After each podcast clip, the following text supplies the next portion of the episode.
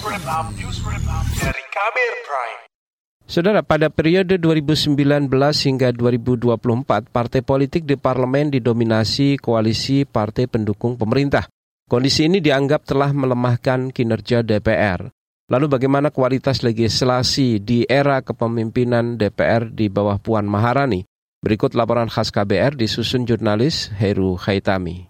Marilah kita jaga bersama kepercayaan yang telah diberikan rakyat tersebut melalui kerja keras, kerja cerdas, dedikasi yang tinggi dalam menjalankan fungsi dan peran DPR yang dapat memenuhi aspirasi dan harapan rakyat. Itu adalah pidato perdana Puan Maharani usai dilantik sebagai Ketua Dewan Perwakilan Rakyat DPR periode 2019-2024. Puan memimpin 575 anggota dari 9 partai politik yang lolos ke parlemen di Senayan, Jakarta. Partai di parlemen didominasi koalisi pendukung pemerintah. Kekritisan kita, khususnya dalam mengimplementasikan prinsip demokrasi, dalam menjalankan mekanisme check and balances, haruslah selalu konstruktif dan membangun peradaban demokrasi di Indonesia. Komposisi partai politik yang didominasi koalisi itu mendapat sorotan berbagai pihak. Salah satunya yang disorot soal pembuatan undang-undang. Misal dua undang-undang Omnibus Law, yakni Undang-Undang Cipta Kerja dan Undang-Undang Kesehatan, yang dengan mudah disahkan DPR. Menurut peneliti LSM Temis Indonesia, Ibnu Samsu, dua bait itu memperlihatkan kualitas legislasi selama ini. Kita sudah bisa membaca lah bagaimana makna itu kita sudah tahu. Dan kemudian yang kedua uh, berbicara soal apa uh, kualitas legislasi lagi kita lihat di uh, RUU Omnibus Kesehatan itu RUU Kesehatan itu yang bagaimana kegigihan pemerintah itu ya mengawal itu sampai tuntas. Bahkan ketika RUU Omnibus yang apa Omnibus Law yang Cipta Kerja uh, pasca putusan MK pemerintah misalkan dari Menko Perekonomian dan kemudian ada uh, Menko Polhukam juga langsung menyatakan apa pandangan pemerintah saat itu karena sangat membentengi RUU yang mereka batalkan itu kan. DPR juga dianggap kerap mengamini keinginan pemerintah. Menjadi pertanyaan saat ini KL-KL atau kementerian lembaga yang ada itu ya kita lihat uh, walaupun bola itu ada di DPR tetapi bagaimana kian juga dari pemerintah hmm. kalau misalkan ini benar-benar gigih. Senada dengan itu, Forum Masyarakat Peduli Parlemen Indonesia Formapi menilai dominasi koalisi pendukung di parlemen telah melemahkan kinerja.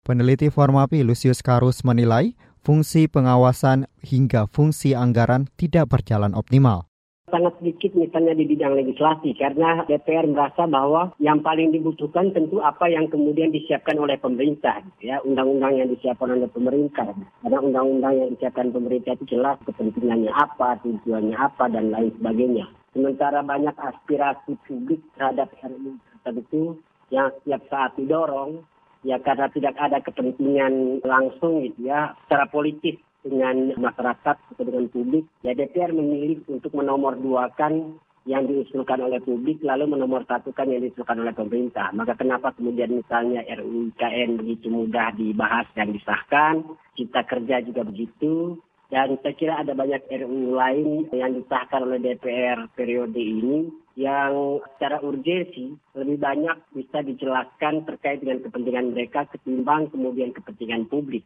Lucius Karus berharap komposisi DPR periode 2024-2029 tak lagi didominasi partai pendukung, sehingga dinamika di parlemen akan lebih maksimal mengawasi kinerja pemerintah.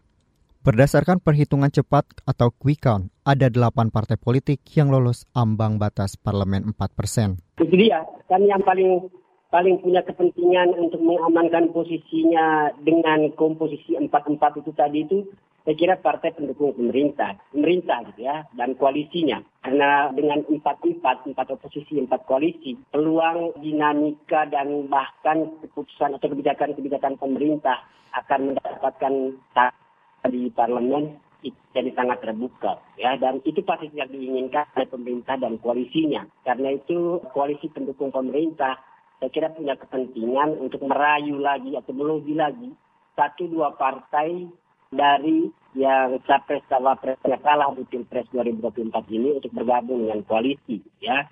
Itu yang kita tidak ingin harapkan. Empat parpol itu merupakan pendukung paslon pemenang Pilpres 2024 versi hitung cepat, yakni Gerindra, PAN, Golkar, dan Demokrat. Sedangkan empat parpol di luar pendukung paslon pemenang versi hitung cepat, yaitu PDIP, PKB, dan Nasdem. Sementara untuk P3, dalam sejumlah hasil hitung cepat, perolehan suara mereka masih di bawah 4 persen. Formapi berharap para pemimpin partai politik di luar koalisi pemenangan tak tergoda masuk lingkaran pemerintah sehingga kinerja di level legislasi dapat diperbaiki. Demikian laporan khas KBR, saya Heru Hetami. Kamu baru saja mendengarkan news wrap up dari KBR Prime. Dengarkan terus kbrprime.id, podcast for curious mind.